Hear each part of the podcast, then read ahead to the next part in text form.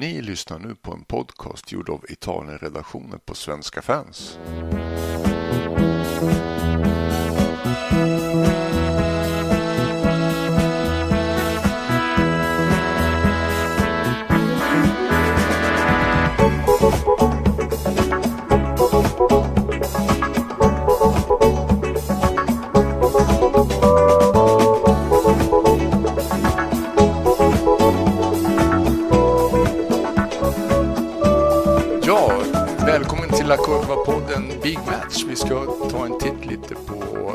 League-finalen mellan Juventus och Real Madrid i Cardiff på lördag. Och eh, med oss till hjälp för att kolla igenom det så har vi Mats Engman på Juventus-redaktionen på Svenska fans och eh, Adam Pintorp på Fotbollskanalen på den spanska delen där. Välkomna! Tack så mycket. Tack, tack så mycket. Tack så mycket.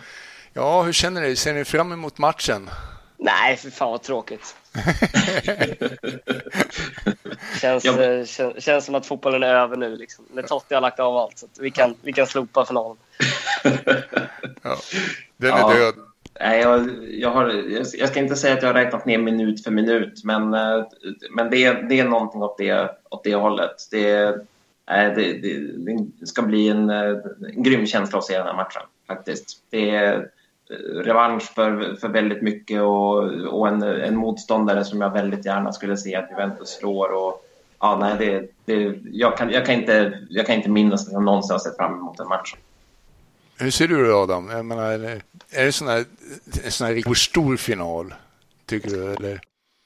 Ja, men det får, det får man väl verkligen säga. Alltså när, man, när, man, när man blickar fram inför en, en säsong så, så vet man att man har Champions League-finalen långt där, eh, där framme i, i, i tunneln som det liksom största ljuset som man någonstans strävar mot och ser fram emot. Och speciellt ett år när det inte är något VM eller EM, då blir ju Champions League ytterligare. Det adderas ju någonting till hela finalen. Och, nej, men inget ont om, om, om, eh, om de andra lagen som gör det bra. Monaco har ju en fantastisk säsong bakom sig. och Det är alltid kul med uppstickare att det inte bara är fem, sex lag som det ändå varit ganska mycket som når semifinal och sådär. Det är kul med uppstickare, men det är ju klart att det, det ger lite extra att det är två stora giganter rent historiskt som möts med allt vad det innebär. Och det finns en historia mellan de här och det finns det är två ligamästare dessutom. Så att, eh, det, det blir ju mäktigt på, på alla sätt. Uh, enda som är lite trist kan jag tycka det är att det, den spelas i Cardiff. För jag vet att det är många, många, många spanjorer och säkerligen många italienare också som, som irriterar sig över att den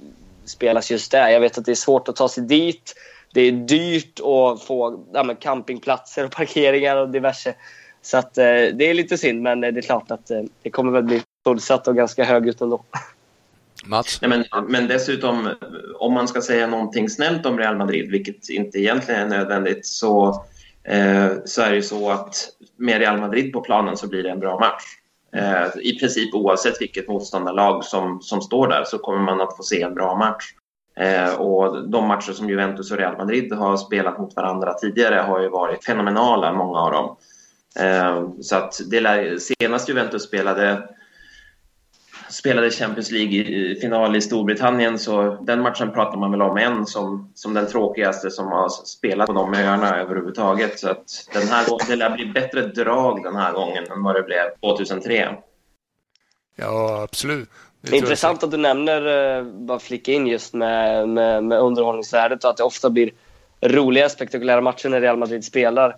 Det är ju inte alla, framförallt inte de som förespråkar italiensk fotboll, som kanske gillar den här sprudlande offensiva fotbollen. Men Real Madrid lyckades ju för första gången någonsin den här säsongen att göra mål i alla ligamatcher. Alla 38 omgångar så gjorde man mål. Eh, vilket eh, ju är ganska unikt. Och, eh, det finns väl inte så mycket som talar talar emot att man inte kommer göra det. Det är klart att Juventus defensiv eh, har ju, har ju stoppat många, men eh, det blir en skön kollision där med Reals eh, offensiv någonstans. Mm, ja, absolut. Ja, Jag, jag tror att det kommer inte att bli...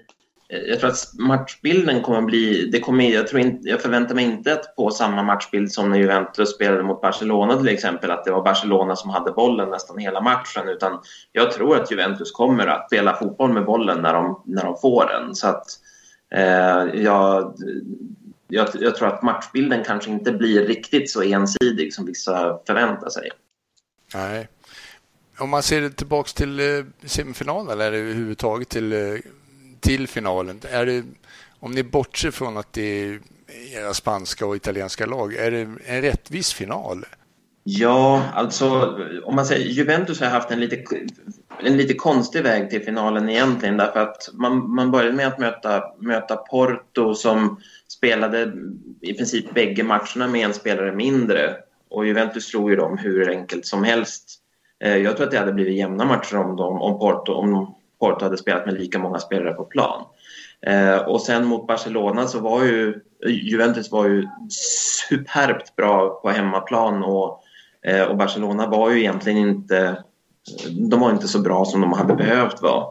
Eh, så den matchen blev ju också ganska enkel och mot Monaco så kändes det väl ändå som att det var, ett, att det var en viss ändå skillnad i klass mellan, mellan lagen. Så Juventus har ju liksom så vunnit alla, alla tre finalomgångarna med tre mål och haft en ganska odramatisk väg fram till finalen får man säga. Men förtjänar ju definitivt att vara där. Real Madrid hade ju en, en lite, lite stökigare väg med den där matchen mot, mot Bayern. Men, men det är ju grymt imponerande att slut Bayern München och Atletico på väg till final, det får man ju säga. Ja, vad säger du Adam? Jo, men det, det, är klart att det är så. Alltså, kollar man på, på alltså, gruppspelet är ju en transportsträcka för, för de här lagen. Det, det kan vi väl ändå slå fast. Kollar man på slutspelet så ja, 6-2 totalt blev det väl mot, mot uh, Napoli och sen så match, matchen eller hela mötet mot Bayern blev ju väldigt speciellt och det hade kunnat svänga ganska rejält. Där hade Real marginalerna givetvis på sin sida men var också effektiva när de behövde vara det. Eh, och gjorde alltså sex mål både mot Napoli över två möten, sex mål mot Bayern och sen så slår ut Atletico vilket också betyder väldigt mycket mer eftersom att det är ett derby och det var en speciell match i returen där, den, den näst sista som Atletico överhuvudtaget spelade på Calderon.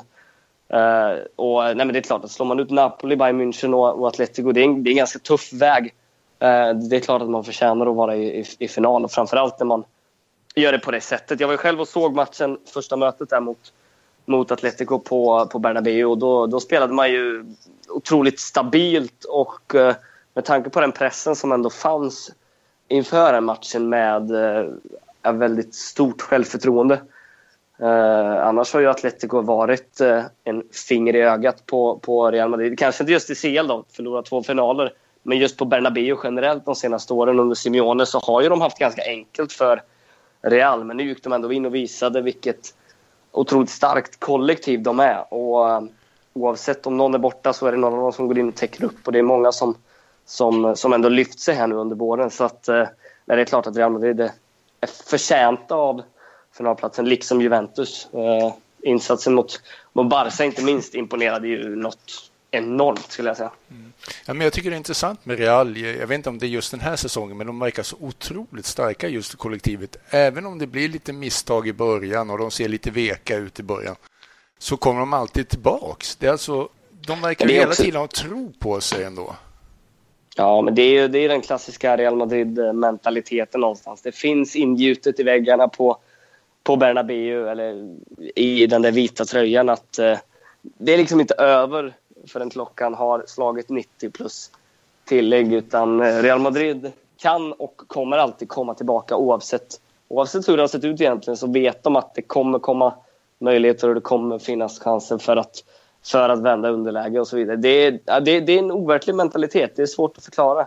Jag vet att spelare själva har, har haft svårt att, att uttrycka sig verbalt vad det är som gör att, att det sker så många gånger, så många upprepade gånger i så många generationer, olika upplagor. Mm. Men att det någonstans ändå finns där, att Real Madrid går liksom aldrig räkna bort som, som enhet eller som, som lag för att de, de kan komma tillbaka i, i vilken match som helst oavsett hur det har sett ut egentligen. Och det är ju inte, på något sätt kanske en trygghet också att veta att eh, det är, många har respekt för Real Madrid och vi, vi kan alltid komma tillbaka. Det är klart att det, eh, det, det vet ju alla om, så är det Ja, men de gör ju det helt utan stress också. Det är det som är så sjukt tycker jag. Alltså, det, jag ser aldrig det där stressade momentet att det måste fixas eller någonting utan det bara maler på och det, till slut bara kommer det. Ja, ja det är fascinerande. Men handlar inte lite om att de, i Real vet man också att man har så pass mycket, om man säger briljans att det finns, liksom så att det, dels har man Ronaldo men sen finns det faktiskt en, ett gäng andra spelare som kan, som kan göra den här briljanta enskilda prestationen. Det jag tycker skiljer Real Madrid från andra lag det är att, åtminstone just för stunden, det är att de har ju en sån uppsjö av spelare som kan vara den, den individ, göra den individuella skillnaden. Om man, om man tar, du sätter ju verkligen fingret på någonting. Om man tar största typexemplet där, det är att en normalt sett given startspelare i Gareth Bale går sönder eh, Eh, inför de avslutande två månaderna, eller när, när, när det går in i slutspurten egentligen. Och då kastar man in Isco som ja, offensivt kanske har varit Real Madrids bästa spelare under den här perioden. Eh, vilket är ju ganska sjukt givetvis att han inte spelar då kan man tycka. Eh, men det vittnar ju också om vilken enorm bredd som finns. Och ni som, som följer Juventus vet ju vilken eh, potential och kapacitet som finns i Alvaro Morata såklart som inte heller spelar så mycket. Eh, men finns där på bänken och kommit in och gjort många avgörande mål. Så att, eh, det, det, det är ju verkligen så att även om om man inte startar så finns det enormt kapital att kasta in från bänken också. Eh, och det är ju en, ja, det är en styrka såklart. Ja visst, absolut. Jag tänkte just på det med Isco. Det är ju, det är ju stora snackisen är ju det med Isco och Bale. Vem kommer starta? Ja, i finalen, ja. Eh, det, det är frågan. Ska vi, ska vi fråga de politiska eh, huvudena så vill de väl säkert att Gareth Bale ska, ska starta. Nej, ja, grejen är väl så här att man får väl avvakta först och främst och se hur, hur status är rent skademässigt med Gareth Bale. Han har lidit av en vadskada nu under ett par månader. Eh, men uppges vara, eller han är i träning och han kommer, han kommer nog vara speltrött i finalen. Sen vet man inte om han är redo för 90 minuter, men kanske att han är redo för att starta. Och då blir det en avvägning för, för Zidane och det har ju också lite med matchbild att göra. Vad han vill ha för, för matchbild. Eh, kommer det vara ett Real Madrid som kommer hålla mer boll och på något sätt dirigera spelet så är ju Isco en betydligt bättre spelare att ha. Speciellt med den formen. För mig är det en no-brainer att Isco borde spela.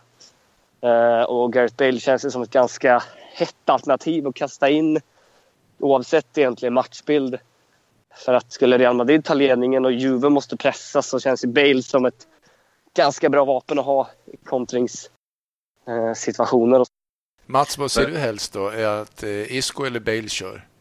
Jag skulle säga, nu vet jag inte riktigt i vilket slag Bale är om han har varit borta. Det är svårt att vara, vara borta i flera veckor och sen komma in och spela, spela på toppen match. Så att, eh, Eh, men om man bortser från det så skulle jag ju föredra Isco. För jag skulle säga att Juventus har, brukar ha ganska lätt för att försvara sig mot de här mittfältarna som springer runt mycket med bollen på mittplanen. Det är inte det som brukar vara vara den svåraste nöten att knäcka för Juventus utan eh, Bale eh, tar de här löpningarna in i straffområdet som jag tror att Real måste ta för att göra mål på Juventus. Så nu finns det ju andra som kommer att ta de, om löpningarna också men, men eh, om Isco spelar så Real har ganska mycket spelare som kan dutta med bollen på på mitten men det är, Juventus har ett ganska bra lag att försvara sig mot just de spelarna och just det, den typen av spel. Så att, eh, jag tycker det, jag, jag, tror kanske att Isco kommer att spela med tanke på att Bale har varit skadad. Jag skulle bli förvånad om det Ja, Isco har ju lyfts fram ganska mycket, men jag måste lyfta fram en annan spelare som jag kan tro har väldigt avgörande betydelse. Det är Casemiro i Real Madrid. Den balansspelaren där kommer ju få mycket jobb att göra med Dybala.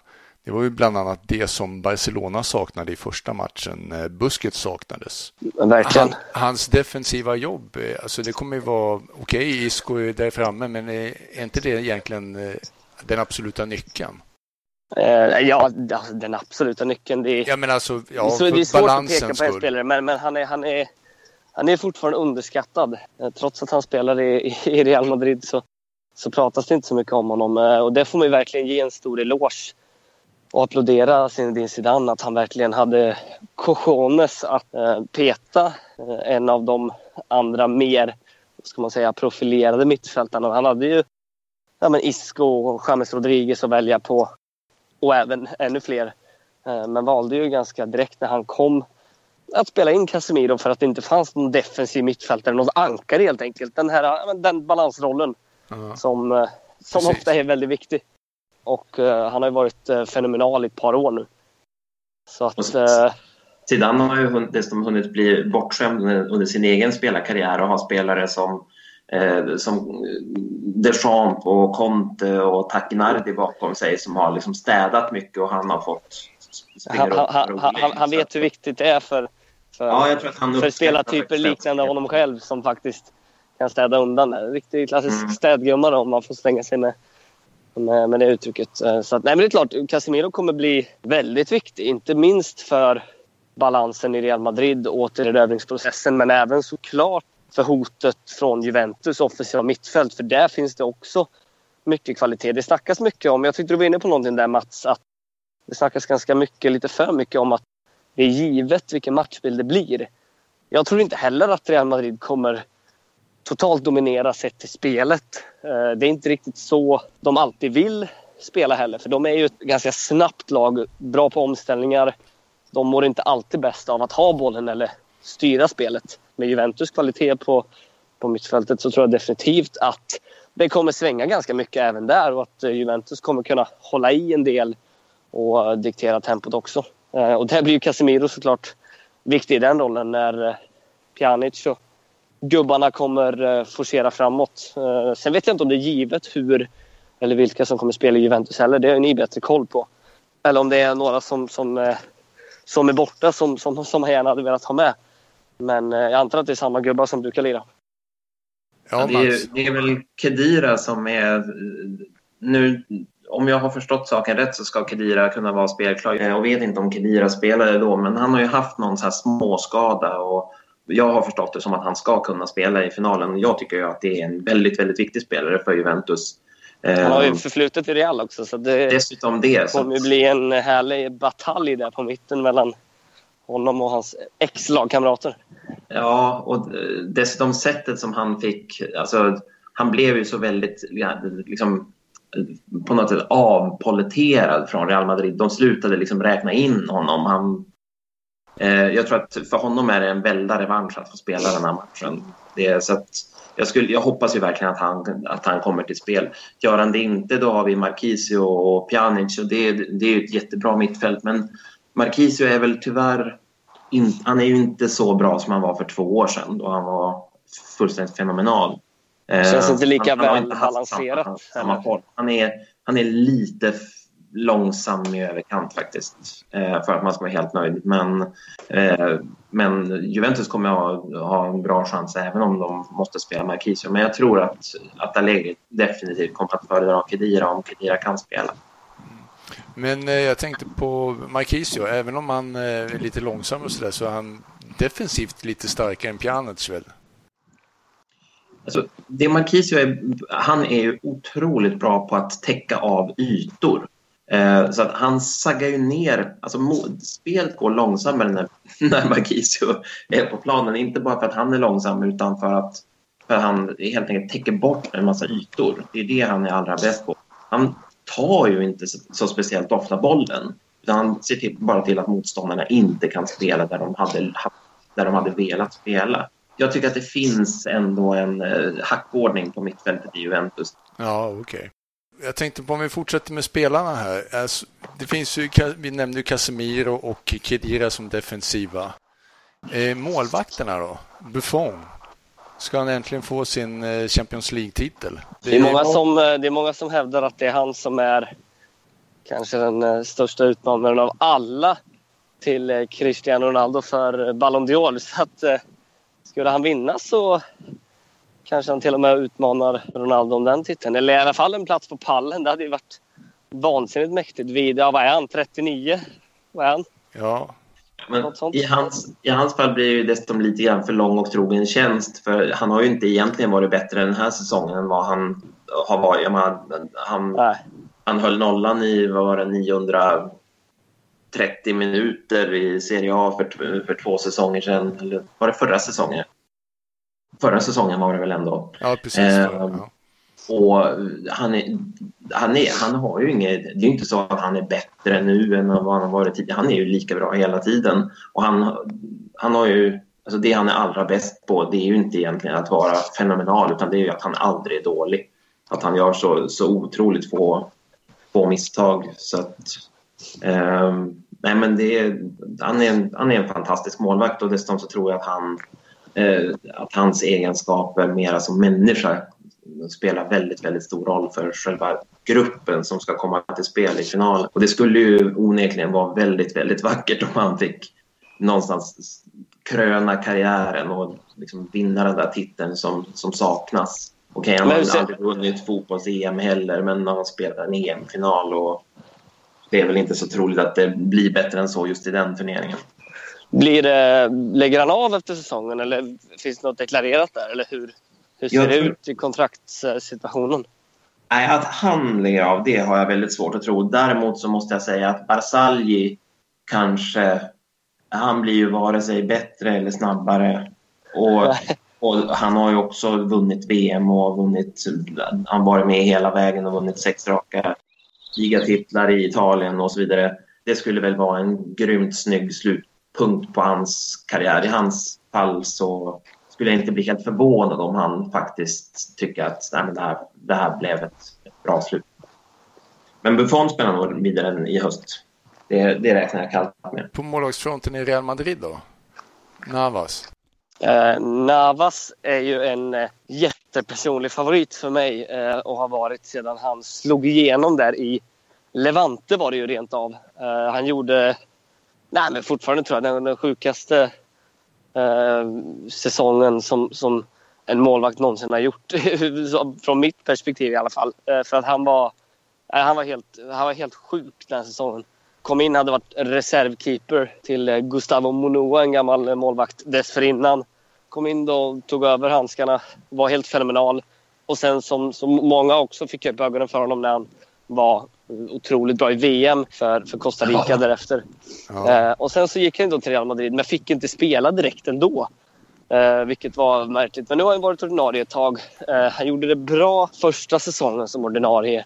Eh, I år har han äh, blandat och gett lite. Han har inte varit på den där mästerliga nivån konstant. Han gör ju eh, de här reflexräddningarna som som är härligt att se för en, eh, för en tv-tittare framförallt. De här tv-räddningarna, de här galna räddningarna. Eh, men han har tappat in en del också och inte agerat hundraprocentigt tryggt. Så att eh, det är inte helt omöjligt att Real Madrid någonstans ändå vill få in en annan målvakt. Sen tycker jag att han i grund och botten är väldigt, väldigt bra.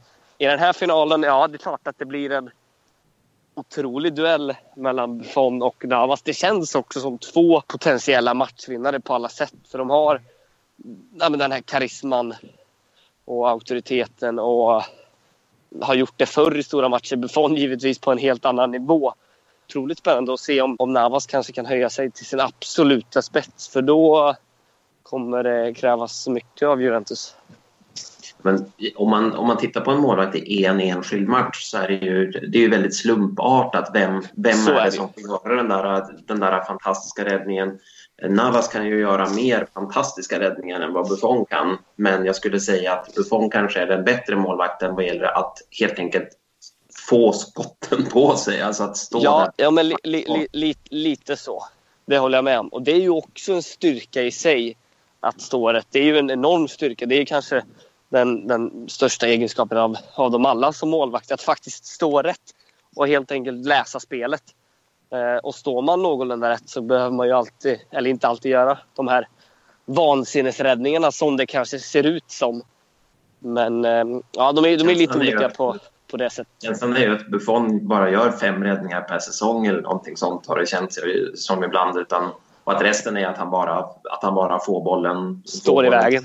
Han är ju, han, hans positionsspel är väl, det måste ju vara bra nära fulländat. Alltså. Mm. Ja. Helt klart. Men om vi går till matchen igen, alltså som den är. Om vi tar fram tre nyckelmoment i finalen, vad skulle det kunna vara? Ja, jag kan börja att prata om hörnor som jag gjorde inför Monaco-matchen. Jag är alltid orolig när Juventus har hörna mot sig. Det, det känns som den defensivens svagaste kort. Och att, att ha det som svag, svagt kort när man ska möta Ramos och Ronaldo, det... Nej, jag kommer att vara orolig när det, när Real Madrid har hörna. Eh, det är väl det som jag skulle lyfta fram först av allt. Den, andra, ett annat nyckelmoment det är väl att jag misstänker att Dani Alves trots allt har vunnit den där högerkanten på Juventus sida och ska spela mot Ronaldo. Och, och Dani Alves kan ju göra fantastiska saker men han kan, han, det är också den spelare i Juventus som gör mest misstag. Eh, om man säger, om ingen, oavsett vem som spelar på den kanten Eh, men jag tror att det kommer att vara Dani Alves. Så där har man inte, man har inte råd att göra några misstag mot Ronaldo utan där måste man ju spela prickfritt. Eh, och där är ju det är ju nyckeln tillsammans med hörnor. Sen tittar man i andra änden av planen så är det väl att jag tror ju att Iguain kommer att få chans att, att göra mål en eller två gånger och då behöver de helst sitta där. Han, Iguain kommer ju till avslut ofta men han är ju inte, han är inte riktigt så klinisk som man skulle ha önskat. Han, han bränner en del och det, det tror jag, jag tror att det blir svårt att slå Real Madrid om man, om man ska om man har tänkt att få mängder av målchanser. Utan får man två då, då ska det väl helst vara två mål. Det är så sjukt intressant också just att Iguain faktiskt möter Real Madrid eftersom att han blev någonstans ratad till ja. viss del på grund av att han ja, men sumpat så mycket i de här viktiga lägena. Han gjorde ofta typ lika många ligamål, ibland mer, än vad Benzema gjorde. Men i Champions League framförallt så hade han ju väldigt svårt och haft även nu svårt i slutspelet. Det är först mot Monaco då egentligen som, som, det, som det lossnade lite.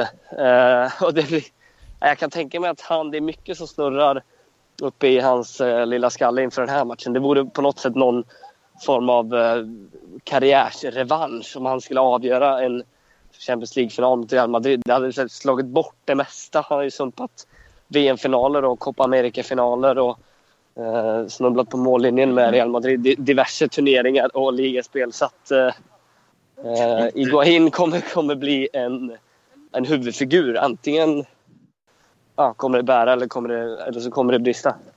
Om, om det finns någon sån här poetisk rättvisa då då, är ju, då kan man ju tycka att då kunde väl gå in på avgöra då och Real Madrid som har vunnit två Champions League-titlar på tre år genom att först vinna den i, genom att kvittera på tilläggstid var det väl och, eh, och sen vinna på straffsparkar så kan man väl tycka att, att det kanske lutar, lutar åt ena hållet men jag vet inte. Jag, jag tror att jag, jag kanske inte tror på poetisk rättvisa men jag, jag vill ju gärna.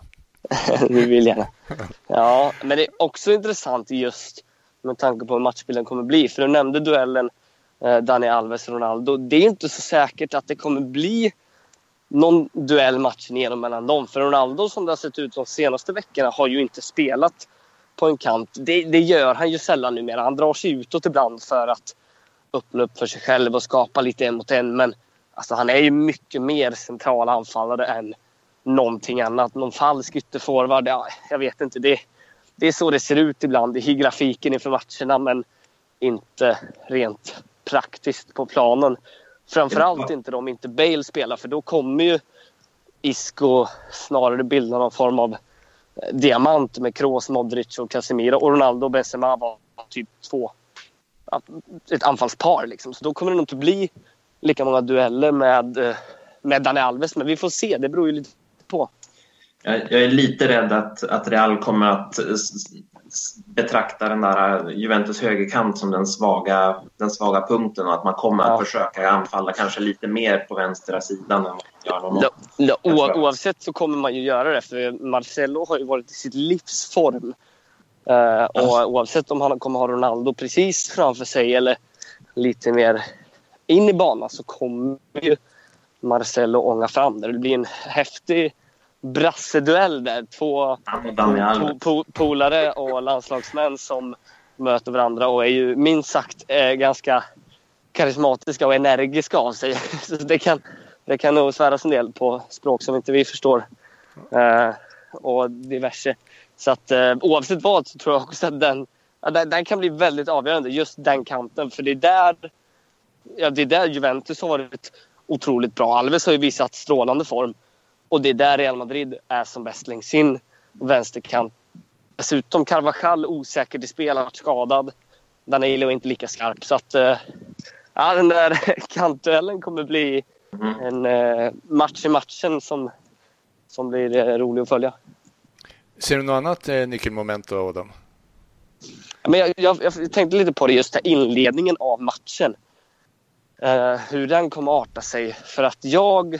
Jag har varit inne på att man ska aldrig räkna bort Real Madrid. Det ska man aldrig göra. Men eh, det hade varit intressant att se ett tidigt Juventus-mål med tanke på att de är så pass bra på att stänga, helt enkelt. Och tvärtom också, tror jag. Skulle Real Madrid göra ett ganska tidigt mål så, har, så, så skulle jag ju kunna slänga in en slant på att de tar hem det till slut. För då skulle det öppna upp sig mer ju längre matchen lider. Och Real Madrid har så vassa kontringsspelare framförallt att kasta in då, beroende på om Bale startar. Men sen då med Asensio, med Lucas Vasquez, eh, med Morata och så givetvis då Ronaldo. Eh, så att eh, matchinledningen tror jag kommer bli otroligt avgörande. Dels för hur själva matchbilden blir och även hela, hela utgången. Så att, eh, det gäller väl för inte minst Juventus att eh, komma in i matchen, sätta sitt spel och sen ta det därifrån. Släppa in tidigt mål tror jag vore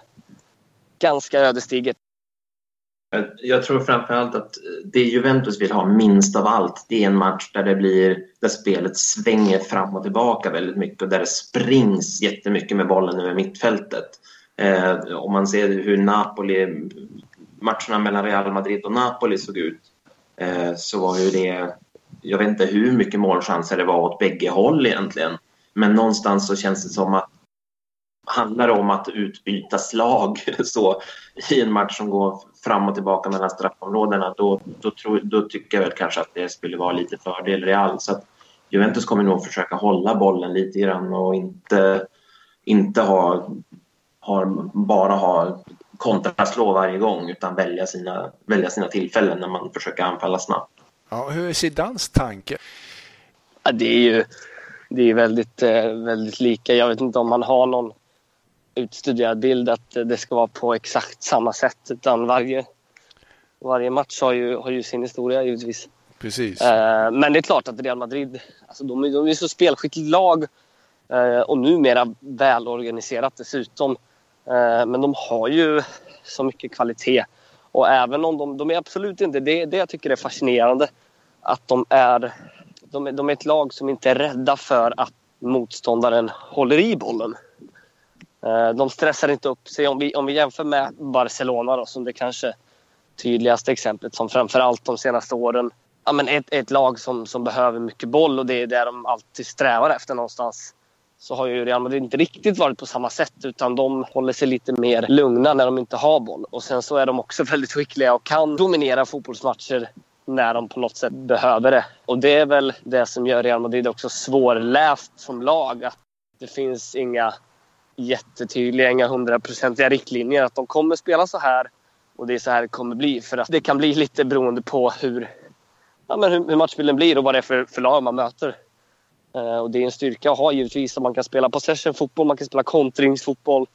Man kan äh, ligga lågt lite tusan, men ni förstår att det finns uh, många uh, olika delar av spelet och det är ju en jättestyrka såklart det känns som att Zidane ändå har plockat upp en del av Lippis, eh, den fotboll som Lippi spelade i, i Juventus. För det var ju under, under tiden Zidane var där. För det, det var ju också i grunden attackerande fotboll men också att kunna, kunna ligga lite tillbakadragna när det, när det krävs. Mm. En fotboll som ändå var ganska balanserad.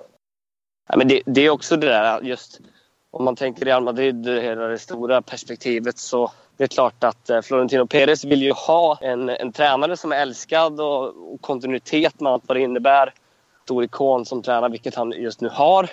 Men han vill ju också dels framförallt vinna, göra resultat och även ha den här Eh, tillfredsställande fotbollen som gör alla nöjda och anfallsinriktat ska det vara och vice versa. Men med Zidane med tanke på att han har en helt sjuk status i Real Madrid och i hela fotbollsvärlden så blir det ändå lite sådär så att så länge resultaten kommer så behöver inte varje match se ut på ett visst sätt utan han, han, han får göra sin grej lite mer utan han tillåts göra det.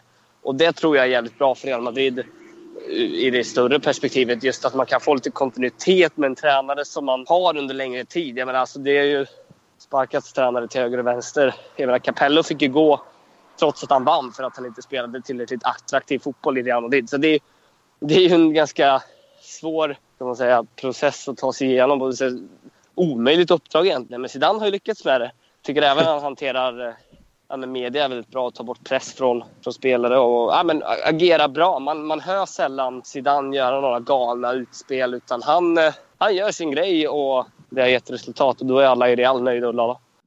Jag gillade det som att han coachade sönder sina byxor i två matcher efter varandra i Champions League-gruppspelet. Det, det, måste jag säga, det, det, tycker jag var unikt.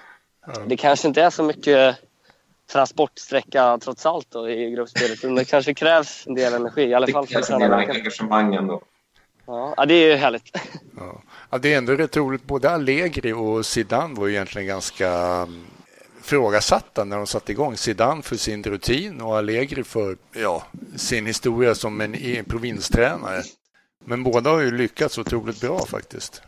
Men jag, jag, tror att eh, Max Allegri var, det var framförallt att han, han kändes inte som, som Juventus helt enkelt. Han kändes ja. som en mjukis ska jag faktiskt säga. Jag var också tveksam till om han skulle funka. Juventus bytte ju också tränare flera på rad där innan, innan Conte. Men, men en sak som vi inte har berört är, för nu har jag, nu har jag dålig koll på hur Reals eh, mittförsvar kommer se ut om man spelar om det är Varann som spelar ja, Det är fan inte jag, det är inte jag helt hundra på heller faktiskt. Men Förmodligen, jag antar att det, det, blir, det blir så.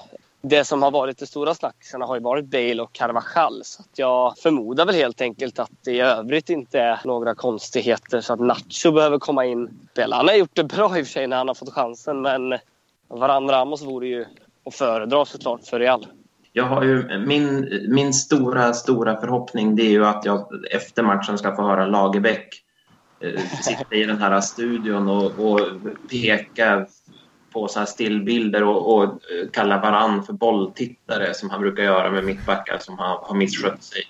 Jag, jag, tycker väl att om, om man ska lyfta fram en position där, där det trots allt är rejäl fördel Juventus, så är väl innerförsvaret. Att så är det. Ramos är ju är ju otroligt mycket värd för att han är så bra framåt och det är ju en väldigt duktig försvarare eh, också. Men, men Ramos Varan är inte, håller inte Bonucci Chiellini-klass. Alltså. Det, det, kan jag inte se.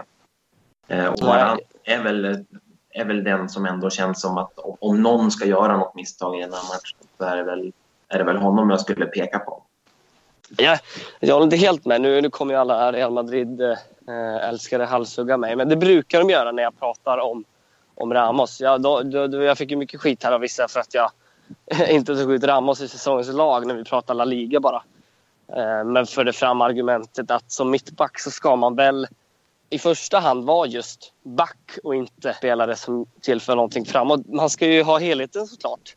Och som helhet har han mycket med tanke på att han är ledare och kapten, vass framåt, i vissa matcher majestätisk även bakåt. Men han gör ju enormt många misstag trots allt som på mm. något sätt folk blundar för med tanke på hans offensiva kvaliteter och att han någonstans väger upp det där. Han är den mest utvisade spelaren någonsin eh, i Real Madrid och i La Liga. Och det säger ju någonting. Så att eh, får man honom i balans så det är klart att han kan göra misstag, för det har han gjort förut. Han blev utvisad senast i, i El Clasico för, vad var det, en månad sedan. Eh, så att det är klart att, att eh, man kan få honom i balans. Sen kan han ju också ha de där dagarna då han inte släpper någon förbi sig och går upp och avgör i 92 istället. Så det vet man ju inte. Men jag håller med dig i, i eh, grund och botten att Juventus mittlås känns ju starkare på ja, men alla plan egentligen än vad Reals gör. Så är det Även om, om de en bra dag är världsklass. Men Zidane måste ju ändå tycka att Ramos tillför något otroligt starkt. För normalt sett vill man ju ha en väldigt stabil backlinje. Med tanke på att Ramos är den typen han är så måste det ju vara någonting i det som Zidane vill ha. Jo, men det är klart. Men han är ju också, han är ju, han är ju en ledargestalt ute på planen. En, en karaktär som man Eh, gissar jag vill ha i sitt lag som man gillar att, spela tillsammans med. Sen kan han väl kanske vara lite naiv emellanåt i sitt försvarsspel men det kan vi också ha att göra med att Real Madrid mot vissa lag spelar med en lite högre backlinje och det blir många 50-50 situationer. Men eh, ja, alltså, det är klart att Dan vill ha honom på planen. Det är ju eh, i grunden en fantastisk eh, fotbollsspelare. Ja, nej men eh, vi får tacka er där. Vi ska först innan vi stänger av eh, lådan idag kolla lite med vad ni tror finalen slutar. Jag har inte ens eh, funderat på något resultat eller sådär. Det är klart, som Mats var inne på, om man, om man tänker eh, rent poetiskt då, så vore det på ett sätt fint om, eh, om, om Higuain fick, eh, fick avgöra och Buffon och gänget fick lyfta en CL-titel. Men ja, jösses vad svårt. Har du något resultat på gång där Mats? Jag, jag tror att det är en sån här tresetsmatch. Först, först till två vinner. Jag tror att Juventus kommer att göra mål. Eh, jag säger samma som jag sa inför Monaco-matchen. Juventus kommer att göra mål och jag tror att Juventus kommer att vinna misstagsmatchen. Alltså, eh, I den mån matchen avgörs på misstag så tror jag att Juventus kommer att göra färre misstag än Real Madrid. Sen, sen har, ju, har ju Real Madrid fler så, så att säga, spektakulära och, och spetsiga spelare som kan avgöra på egen hand. Men jag säger att det ändå görs två misstag som Juventus kan profitera på. Att, att, vi får en, att, det blir, att det blir Juventus som kommer först till den där tvåan. Så 2-1 tycker jag låter, det tycker jag låter, låter bra. Och det jag ska säga också det är väl att för två år sedan så Juventus Juventus gav ju verkligen Barcelona en match och, och efter kvitteringen där i 70 minuten så stod ju verkligen matchen och vägde. Men känslan på förhand var ändå att det var Barcelona som satt i förarsätet någonstans. Den här matchen så tror jag att alla svartvita spelare som kommer till spel, de tror i själ och hjärta att de kommer att vinna matchen. Och det känns ändå lite grann som att det är Juventus tur och jag tycker att Juventus har, har kanske ändå liksom vunnit med mer sparkapital än vad Real Madrid har gjort. Real Madrid har gjort misstag i sina i sina matcher fram till finalen. Så, att, vilket Juventus nästintill då inte har gjort. Så att, nej, jag, jag säger att, det, att Real Madrid gör två, gör, briljerar en gång och gör två misstag. Och därför slutar matchen 2-1 till Juventus. Längst, lä, lä, längsta utläggningen om en tresättare. ja, men det är intressant det där med misstag. Jag tror faktiskt att, äh, att det ligger någonting i det där. Att, äh, eh, minst antal misstag helt enkelt kan, kan avgöra för att eh, framförallt med tanke på Juventus täta, täta defensiv bjuder de inte på så mycket och kan utnyttja Reals misstag för det kommer bli misstag i matchen på ett eller annat sätt i någon mån. Då gäller det att vara, vara effektiva också. Eh, och då är frågan om, eh, om vi får se en, en portugis som, som på slutet ändå klivit fram eller om kanske Iguain då till slut kan, kan sätta dit en balle. Det finns ju andra matchvinnare också. Men eh, på förhand så känns det som att det kommer pratas en hel del om just den duellen med tanke på att de har delat omklädningsrum i många år och på något sätt tagit varsitt lag till, till final om man ser till vilka som gjort mål i alla fall. Ja, om någon av dem kommer stå som målskytt har jag ingen aning om, men vad jag vet i alla fall att vi går i mål med det här och jag tackar Adam och Mats för pratstunden och vi kan inte annat än säga att må Västerlag vinna på lördag. Tack för att ni lyssnade och på återseende. Tack själv. Hej.